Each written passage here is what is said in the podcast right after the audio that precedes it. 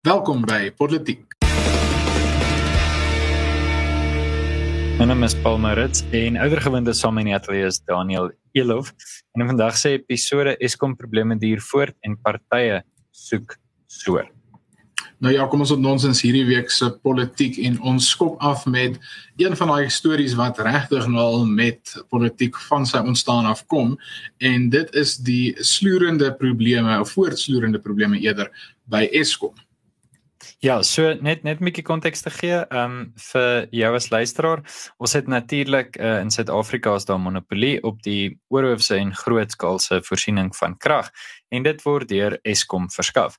Ehm um, ons het al baie oor Eskom gepraat, dalk een van ons top 3 of top 4 temas op politiek. Ek onthou ons het die episode wat Andre de Ruyter aangestel is nog iets genoem soos de Ruyter op die witperd of iets soos dit. Dit was 'n snaakse storie geweest. Ehm um, wanneer dit gegaan oor sy ras en Julius Malema het 'n probleem gehad en alles en ons het gesê wel duidelik is dit wat die regering probeer tot dusver nie effektief nie. Kom ons probeer iets anders. En nou kan ons ook vir mekaar eerlik sê, maar jy weet mens moet ook met jouself eerlik wees. Kry die ryter die werk gedoen? Want ek kan nie onthou dat daar ooit onder enige van die vorige bestuurders 7 ure in 'n dag in die krag was in my huis nie. Uh en dit het ek gister ervaar in die middel van 'n eindeksamen vir baie studente soos ek self in die middel van 'n eindeksamen vir half miljoen of 600 700 000 matrieks. Um en hoeveel ander studente wat eksamens en toetse moet skryf. Uh net om vir jou konteks te skep Daniel, ek het ver oggend van 8uur tot 11uur eksamen geskryf by Akademia en toe ek ver oggend 4uur opstaan en ek wil begin leer, dis die krag af. So ek kan nie koffie maak nie, ek kan nie ligte aansit nie. Um jy weet my rekenaar se battery is basies deur Nestle gemaak, so jy weet dit het nie regtig gewerk So nou sit ons in 'n situasie waar dit duidelik is ja, Eskom se skuld het 'n bietjie afgeneem van 'n Deryter oorgeneem het. Ehm um, van 400 miljoen af is dit af na ek dink net oor die 300 miljoen toe. Maar uh uiteindelik is is Eskom besig om te sukkel. Daar is nie regtig te veel planne nou al in plek om vir ander spelers kans te gee nie. Ja, jy kan jou sonpanele op jou dak sit, maar daar is nie regtig groot spelers wat al tafel toe kan tree nie. Ehm um, so Ja, ek ek dink uiteindelik op hierdie stadium Eskom is een van die grootste uitdagings. John Steenhuisen van die DA het gesê dat elke uur van of elke uur en elke fase van beerdkrag kos ons ekonomie iets soos wat 50 miljard rand of iets soos dit, 'n massiewe bedrag. Ek sien presies seker oor die bedrag nie. Langs toe die kort, ons is in ernstige moeilikheid en ek uh, graag by jou weet hoe dink jy lyk die pad vorentoe? Ja, so da, dank is ek nie kyk ek nie met genoeg van 'n kritiese oog na die hele Eskom storie nie. Ek ek het op 'n manier uh, kry ek vir Andre Dreiter jammer. Ek ek voel hy hy's in 'n verskriklike moeilike posisie want die probleme by Eskom is duidelik baie verstaan groter en dieper as wat mens net eweskielik verstaan in 'n in 'n paar jaar gaan gaan oplos en uitsorteer. Ek bedoel hy hy het ehm um, in wat se Januarie 2020 het hy hoof van Eskom met ander woorde verlede jaar. So ons sit nou so amper 2 jaar in sy termyn as hoof van hoofuitvoerende beampte van Eskom in. En ja, goed goed lyk erger. Maar ek ek onthou ek het met van die mense wat wat in die stad in in Pretoria toe die DA oorgeneem het in 2016 uh, betrokke was by die munisipaliteit en hulle sê wel hulle die eerste 3 jaar van hulle tyd letterlik net spandeer om die korrupsie te probeer uitsorteer om net te sorg dat die onbevoegde mense wat aangestel is, die skelm mense wat aangestel is en net die absolute useless mense wat aangestel is uit te werk of uit te sorteer en die letterlik maar net die munisipaliteit op 'n plek te kry waar hy kan funksioneer en hulle het dit reg gekry in 3 jaar. Nou ek dink die probleme by Eskom strek veel dieper as wat byvoorbeeld in in Pretoria was. Uh ons weet hoe nou is Eskom gekoppel gewees aan staatskaping. Ons weet hoe nou is dit nog steeds gekoppel aan korrupsie binne die die regering. En ek voel die ryter het 'n verskriklike moeilike taak. Ehm um, nie dat ek sê alles wat hy doen is 100% perfek nie, maar ek ek is tog simpatiek teenoor ehm um, hom en en ek besef wat 'n goeie taak het hy om die probleme by Eskom op te los. Uh ja, ons sit met met hoër fase beerdkrag, meer beerdkrag, minder krag uh, oor die algemeen, maar dit voel vir my tog word die regte stappe geneem. Ek bedoel die die die feit dat ons nou op 'n punt is waar meer mense of of jou die kapasiteit of die, die uh, toelaatbare opwekkingsvermoë verhoog is en vergroot is deur Nersa as in uit die saak 'n goeie ehm um, stap ons het dit ook op politiek voorheen bespreek. So mense moet na kyk inkrementeel word dit beter en ek dink tog te doen. Uh vir my is die as mens ook kyk dink ek die blote feit dat die vakbonde so teen die ryter is dat Noem sê wel hy moet afgedank word. Dis dis vir my nie 'n slegte teken nie. Ek moet sê as as die groot vakbonde buite solidariteit in Suid-Afrika kla, dan dink ek is dit redelik goeie teken want die vakbonde is sentraal tot kaping van hierdie staatsinstellings. Hulle is sentraal tot korrupsie, hulle is sentraal tot baantjies vir boeties in in in die land en hulle is 'n groot probleem en nie net in die kragopwekkingsbedryf nie, in die onderwysbedryf, in in die konstruksiebedryf en al hierdie bedrywe speel vakbonde 'n verskriklike negatiewe rol. So die feit dat hulle kla oor dryter, dink ek behoort vir ons nogals bietjie van 'n aanduiding te gee oor hoe ons hom voel en dalk moet ons net vir hom so 'n klein bietjie ekstra tyd gee om wel goed by Eskom uit te sorteer. Also, so Daniel, ek wil ek wil 3 3 goed sê en dan wil ek 'n gevolgtrekking maak. Uh In terme van Eskom, dink ek breedweg as ons kyk na wat is Eskom en ons vra vir onsself, ehm um, jy weet wat is hierdie ding waarmee ons te doen het. Ons almal het groot geword, jy weet behalwe dis van ons wat soos in die 20's gebore is. Ek dink min van ons luisteraars word binnekort 100. Meeste van ons het nog altyd 'n idee gehad van Eskom jy weet dis hierdie die groot kragrees en is so oulik en hulle doen goed of later jare dis die mense wat vir ons load shedding bring en wat ook al. Maar dis 'n konsep in ons almal se kop en nou ehm um, polities filosofies sê ons dat as jy heel ver ekonomies op die regterkant is, nie as 'n libertariër absoluut of amper jy weet 'n ampere anarcho-kapitalis of 'n ek weet nie wat mens dit presies aanneem nie, maar jy's regtig op 'n punt dat jy voel die regering moet moet sy belangrikste funksies eintlik maar net privatiseer. Dan sal hulle sê Eskom moet dadelik in stukkies opgebreek word en verkoop word aan die uh jy weet in in in daai wêreldbeskouing sal 'n mens ook sê maak nie saak wat sy ras of selfs nasionaliteit daai persoon is nie as uh iemand met die die regte kapitaal wat nie noodwendig kriminele rekord het nie wat ook al inkom as 'n General Electric van Amerika is een van 'n Ierse maatskappy, Duitse maatskappy, Australiërs, Indiërs, Russe, Gazprom laat hulle kom. Hulle koop dit, hulle bedryf dit en daar's 3 of 4 sulke maatskappye en wins word gemaak of wins word nie gemaak nie. Baie soos wat in die vroeg 90's Vodafone deur Vodacom in die land gekom het, hulle moet kompeteer met MTN. Nou Telkom wat bietjie meer 'n regeringsaandeel het, het ingeklim, daar's kompetisie. So dit sal 'n uh, kan ek sê meer vrye markbenadering. Dis die absoluut verste van dit is die regering moet heeltemal uitklim. Aan die heeltemal linkerkant vind jy waar 'n uh, Malema is. Hy sê hierdie is 'n bate van die land. Dis 'n orgaan van die land. Jy kan nie 'n orgaan uitdruk uit die liggaam uit nie. Dit moet behoort aan aan die regering. Die regering moet werke skep hierdeur en die doel is nie noodwendig om geld te maak of wins te maak of effektief te wees nie. Die doel is om werk te skep en wat ook al intenders te gee en so aan. En ek dink regtig dis die, die ouens sal dit sê. Kaders moet ontplooi word so intoe. Dis dis die rol, dis goed en ek dink jy weet ouens sal dit self sê. So erns tussen in hierdie twee moet ons mekaar vind op wat is Eskom en wat is sy rol. Wat my betref dink ek ja, daar is plek vir die staat in terme van kragvoorsiening. Hoekom? Want dit maak nie finansiëel sin vir jou om 'n uh, hele, jy weet, stel kragdrade aan te lê na 'n klein dorpie met 500 mense toe nie. Dit gaan nie finansiëel sin maak nie. So ek dink daar kan die staat inklim, jy weet, in 'n subsidierende manier. Maar ek dink definitief ons leen op hierdie stadium ekonomies na die linkerkant. Bedoelende, daar's te veel sentrale mag. Pravin Gordhan speel te veel van 'n rol as dit kom by waarheen Eskom gaan. So ek dink dis die een ding. Ek dink die die korttermyn skuif vir Eskom moet wees. Die deur moet oopgemaak word vir die privaat sektor om in te klim. Uh daar's geen twyfel by my daaroor nie. En die privaat sektor doen dit in elk geval, maar om dit op 'n meer gestruktureerde manier te doen. Iemand soos Glencore wat al klaar hulle eie krag verskaf, hulle myne, kan dalk begin om vir die dorpies rondom hulle ook te verskaf. Ehm um, jy kan ensovoorts, jy kan op groter skaal um, behoort jy te kan teruggee, nie net teruggee aan jou netwerk maar te kan bou. So daai sou ek voel daaroor. In terme van die ryter En en ek wil my tweede en derde punte mekaar kombineer.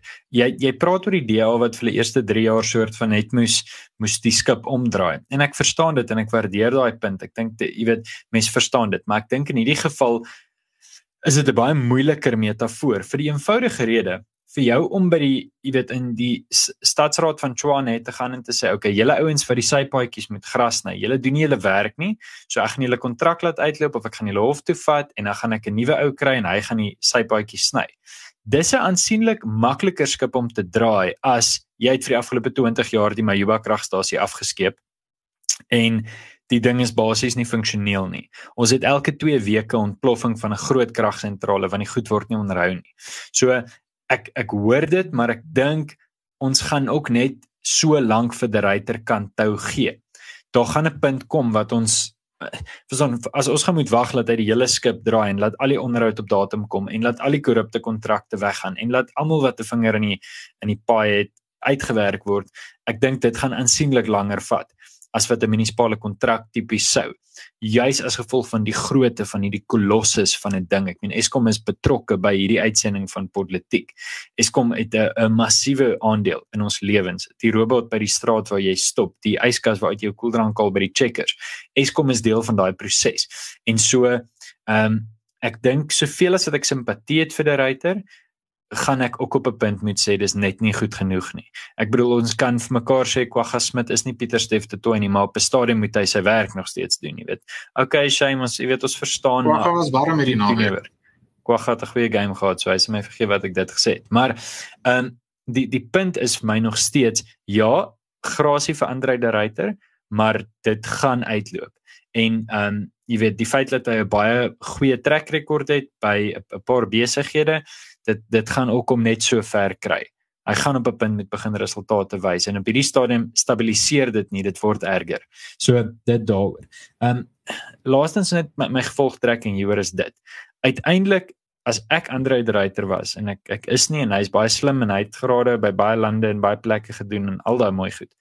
Maar as ek hy was, sou ek nou gaan vir 'n korttermyn 'n korttermyn wen. Ehm um, en dit beteken jy weet Eerens, ek dink moet net stabiliteit kom in die in die hoofprimêre kragvoorsiening. Die projekte wat nie klaar is nie, moet moet aangehelp word en ek weet hulle doen dit in elk geval. Maar ons kort goeie nuus in terme van kragvoorsiening. En dan dink ek van die privaat sektor van Sakeliga en die Afrikaanse Handelsinstituut en al daai plekke af moet ons druk vir privaat krag. Dis die enigste pad vorentoe wat ek sien as ons uit hierdie ding uit gaan kom. So ek wil gou twee laaste opmerkings maak. Die eerste een is ek, ek stem saam met hierdie hulle praat van die ontbondeling van Eskom en ek dink dis baie belangrik. Ek dink ons gaan ooit enige werklike verandering by Eskom sien as dit nie gebeur nie.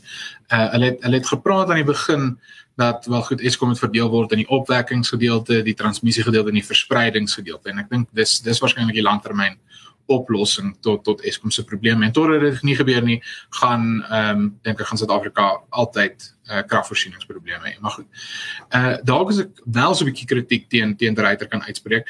Ek het die afgelope naweek ons was op pad Nelspruit toe toe luister ons na 'n onderhoud van hom op RSG en hy toe Ek eerstens wat ek dit was die eerste onderhoud wat ek van hom geluister het waar Afrikaans gepraat en ek was besonder beïndruk met met hoe mooi Afrikaans praat en hoe goed sy Afrikaans is.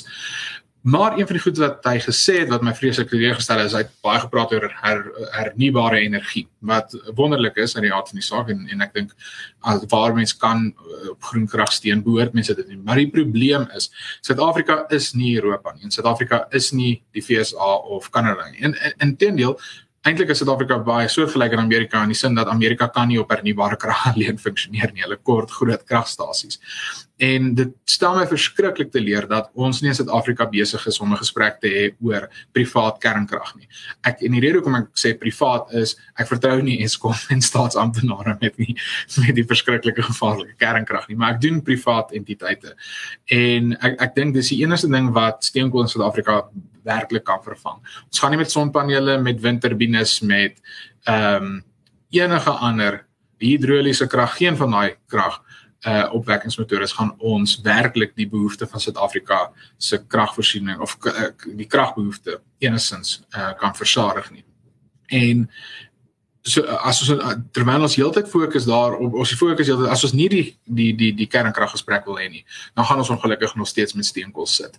En ehm um, want die punt is ons ekonomie is honger en jy gaan nie op 'n punt kom waar mense bereid is om hernubare krag te gebruik wanneer ons ekonomie so sukkel en jou ekonomie gaan anders sukkel as jy nie betroubare kragvoorsiening het nie. So dit is 'n bietjie van 'n bose siklus en ek dink ons moet regtig ernstig begin om kernkrag in Suid-Afrika te oorweeg. Ons moet na die kenners toe gaan oor see. Ons moet na die kenners wat Suid-Afrika self opgewek het toe gaan en vir hulle sê, "Hoe gaan ons hierdie doen?" en ons moet in privaat hande sit sodat ons Suid-Afrika se kragprobleme daadwerklik kan begin oplos. Goed, Paulus bring ons oor yes. na ons tweede onderwerp vir die Overlego laaste laaste 5 nee, sent. Nee, ek ek dink ek ek dink ek stem saam met uh, met jou jou opsomming daarso. Miskien uh, ja, as dit tyd om 'n bietjie te kyk na 'n volgende ding en ek ek moet sê hierdie is iets wat jy eintlik al ek moet jy weet dit die, die pleintjie gee waar hy verdien is. Jy sê nou eintlik vir jare die volgende fase gaan die koalisiefase wees. En uh, nou is ons natuurlik in 'n ons het verlede week het ons die resultate so sien inkom. En nou sien ons dat daar iets so 66 munisipaliteite is waar daar nie 'n volslaa uitslag en 'n volslaa wenner is nie. Net vir konteks vir jou by die huis, ek het dit ook hierdie week geleer 50 + 1. Dis hoeveel ehm um, persent van die stem jy nodig het of persent persentasie van die setels. Daniel sal nou vir ons mooi verduidelik. Ehm um, om die munisipaliteit te neem. En 66 munisipaliteite van die ek dink 214 het dit nie. So nou is daar koalisieonderhandelinge en baie partye was hierdie week baie lelik met die ou boelie op die blok en uh so dit dit, dit maak vir interessante leesstof. Daniel, is dit 'n goeie inleiding vir jou? Het ek nou die die balletjie vir jou hier gesit? 'n spog inleiding Paulus dis 'n absolute spog inleiding.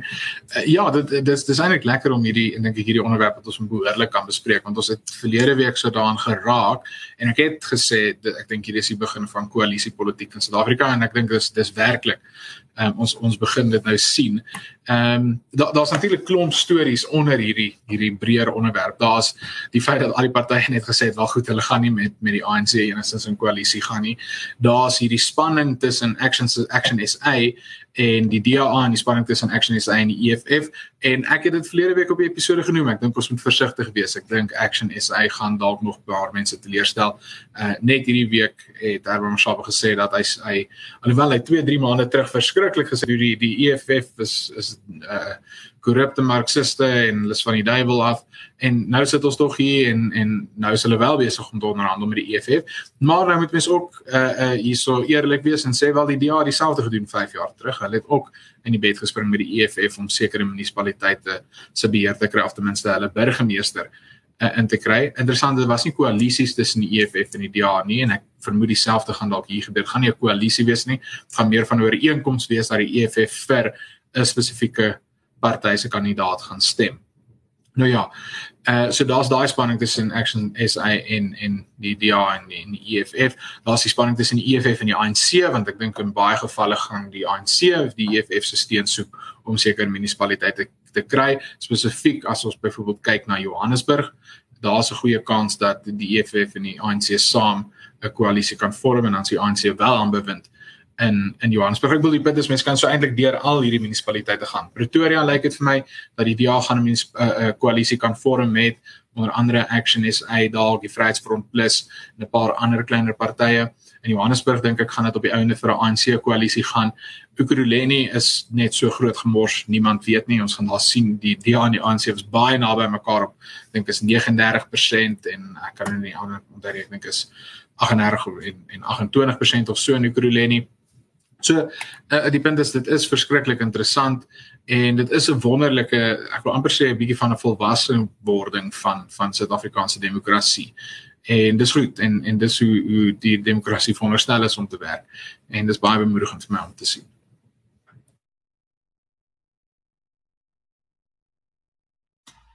Also, ekskuus, ek uh, ek so 'n bietjie met my eie tegnologie vandag. Ehm, um, weet jy wat Daniel, ek ek stem 100% met jou saam. Uh vir my is daar 'n paar goed wat ek dink ons net oor oor moet dink. Eerstens, politiek, as ons gaan kyk in die in die filosofie daarvan, die eerste wat wat daar gepraat word word oor politiek in die weste is eintlik maar deur Plato en Aristoteles en hulle maak dit duidelik politiek is 'n praktiese ding. Dit is nie 'n dis nie soos gravitasie of iets wat jy vind en dis nou vas nie. Dit is 'n ding wat heeltyd wissel en skommel. Uh, Edmund Burke sê en ek meen Burke word deur baie gesien as die vader van die konservatisme. Uh jy weet regte ouens wat nou regtig nie goed swat sê eerder hy het 'n anti-revolusie gelei as wat hy uh, 'n rigting noodwendig ingelei het, maar goed. Uh Edmund Burke het het self gesê politiek is barter and compromise. Is onderhandeling en kompromie. En ek dink dis op hierdie stadium wat ons sien. Ja, natuurlik en, en dit het ek eh, laasweek toe sê Erns ook, maar jy weet nou het hierdie partye, die Vryheidsfront en Action SA en so aan sleg gesê nou wil hulle met hulle saamwerk. Ek ek hoor dit, maar dis maar politiek. Jy weet, dis dis jou opponent ek. Kom ons vat 'n metafoor as ek hokkie gespeel het teen die bierskool. dan het ek jy weet so hard gespeel as moontlik en ek raai ouens jy weet probeer seermaak en ons doen wat ons kan. Maar as jy kom by distrikproewe of provinsiale proewe, dan moet daai ouens aan jou kant wees. Nou teen die ander maatjies van die ander provinsies, jy weet of dink aan jy weet enigiets wat 'n mens op daai vlak kompeteer of jy klasse neem te mekaar deel by die interhuis en dan neem jy vir die skool deel en dan sê ewe skielik is jy nou spanmaats nou moet jy saam die aflosstokkie dra. So mens moet op 'n punt kom wat jy wat jy besef daar's 'n daar's 'n tyd en daar's verskillende arenas en net een arena verlaat en 'n ander arena betree.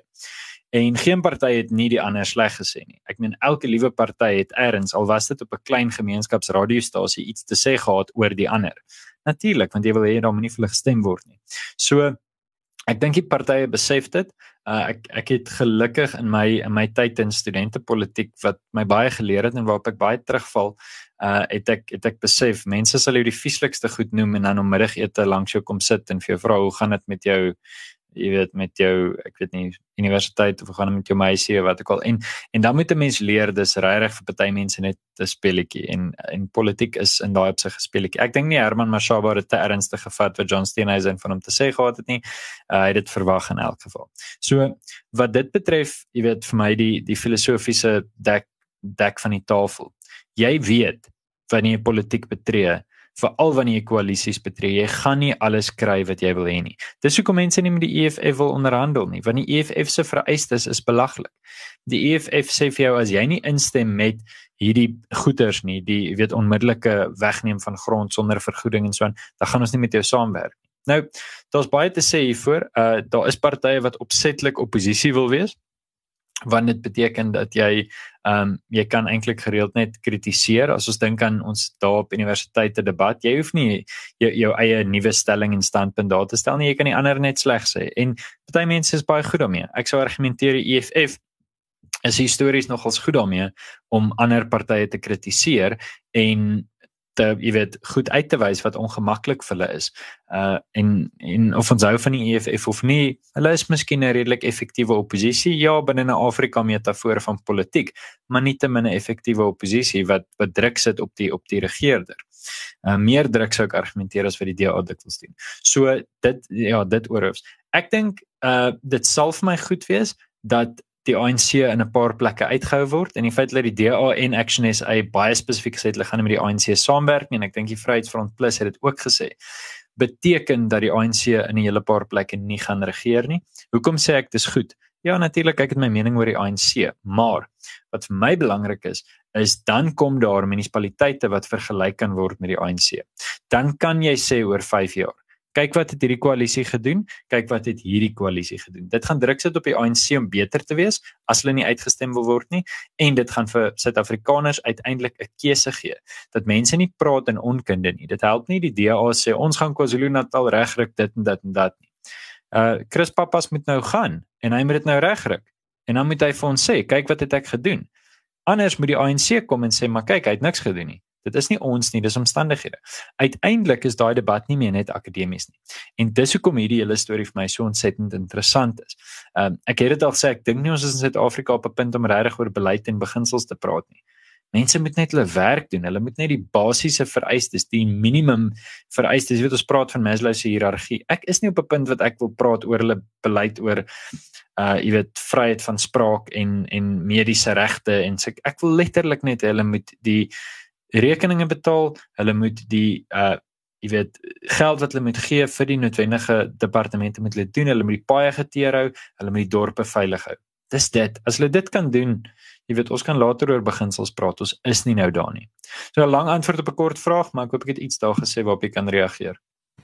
Ja, wel dis dis so 'n bietjie dit laat my weer dink aan 'n debat wat jy eendag teen tikkies gehad het oor Maslow se hiërargie en op 'n manier is hierdie Maslow se politieke hiërargie is ons gee nie vreeslik om oor oor daai dieper beginsel vra nie want soos wat jy sê ons wil net hê die straatligte moet werk en die slaggate moet reggemaak word op hierdie punt. Dit's die die res is amper verstaan paar stappe verder aan en, en ons is eenvoudig nie daar nie.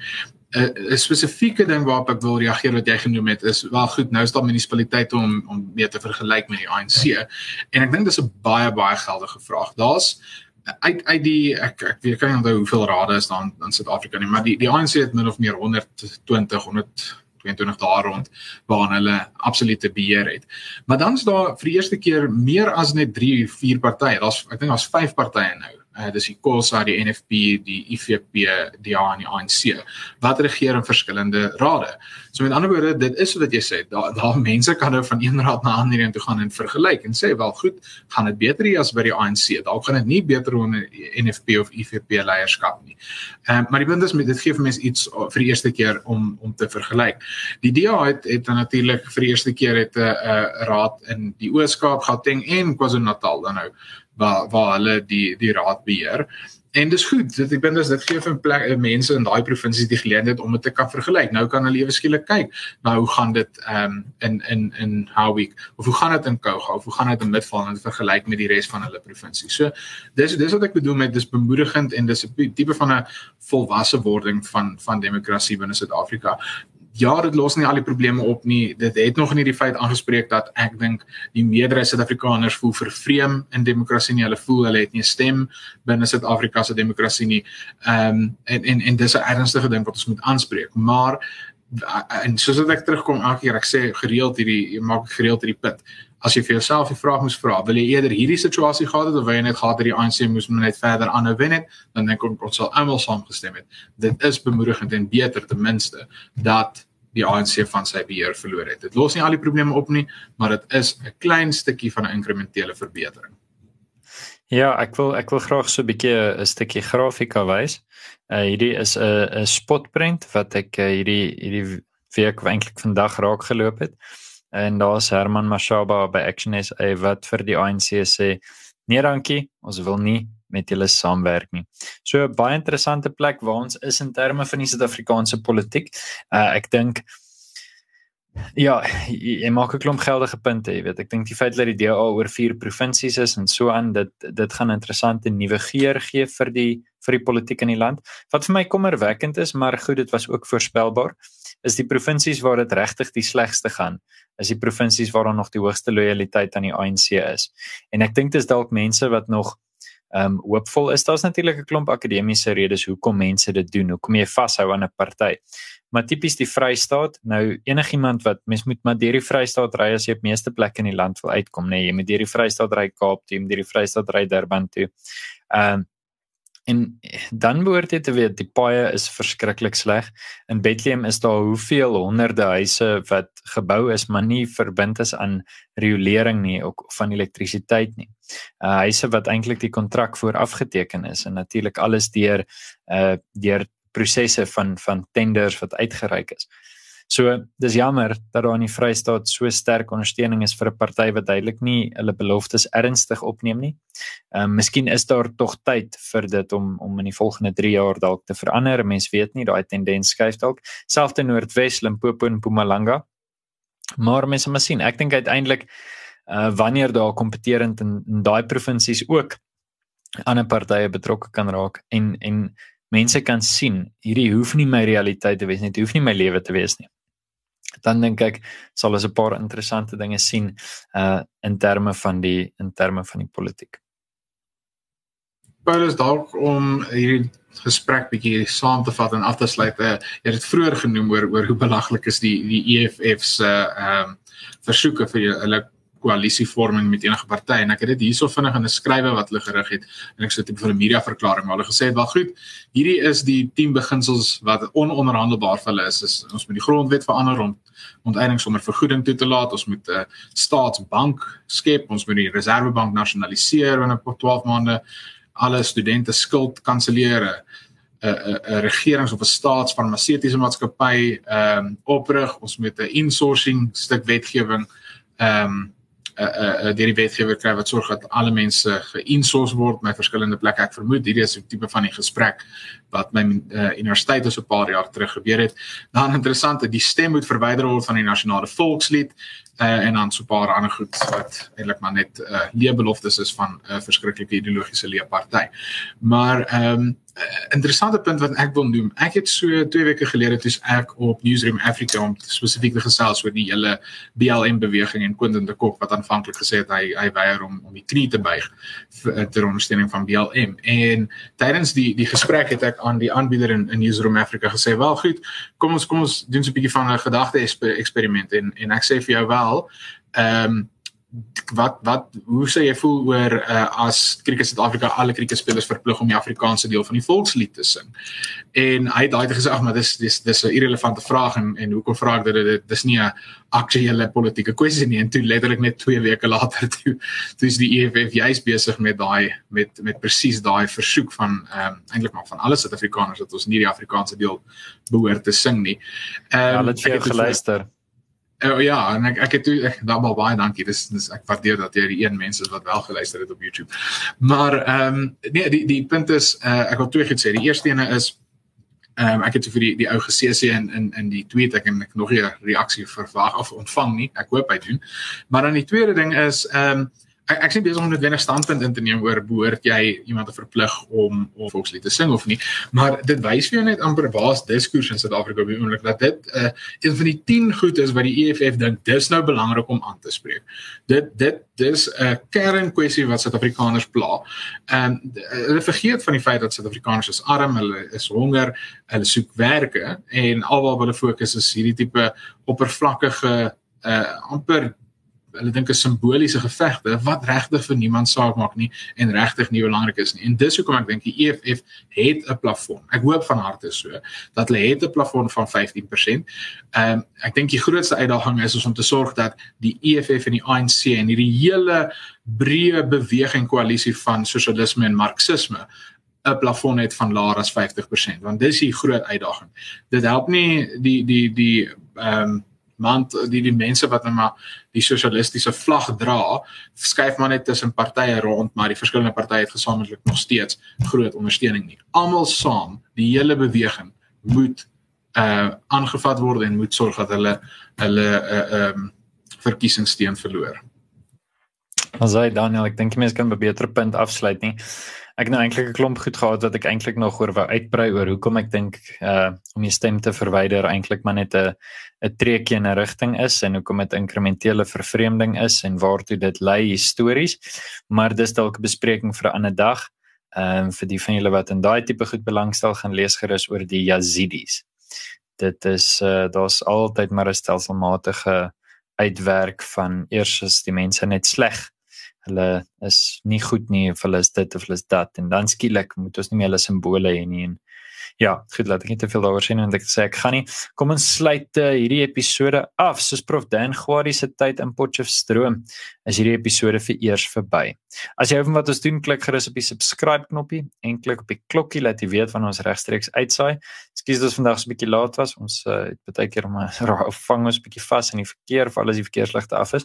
Ons nooi jou as luisteraar uit om self te ontnonsens. Gaan sit die gesprek voort in die kommentaarafdeling of om die braaivleis vuur of op ons Telegram kanaal net waar jy wil en vertel jou vriende van kom en sê hulle nee my seun of my dogter of my vriend het gesê 'n bietjie kyk waar praat julle manne. En um, om jou besigheid te bemark op politiek ons doen dit graag en uh, dit help ons natuurlik ook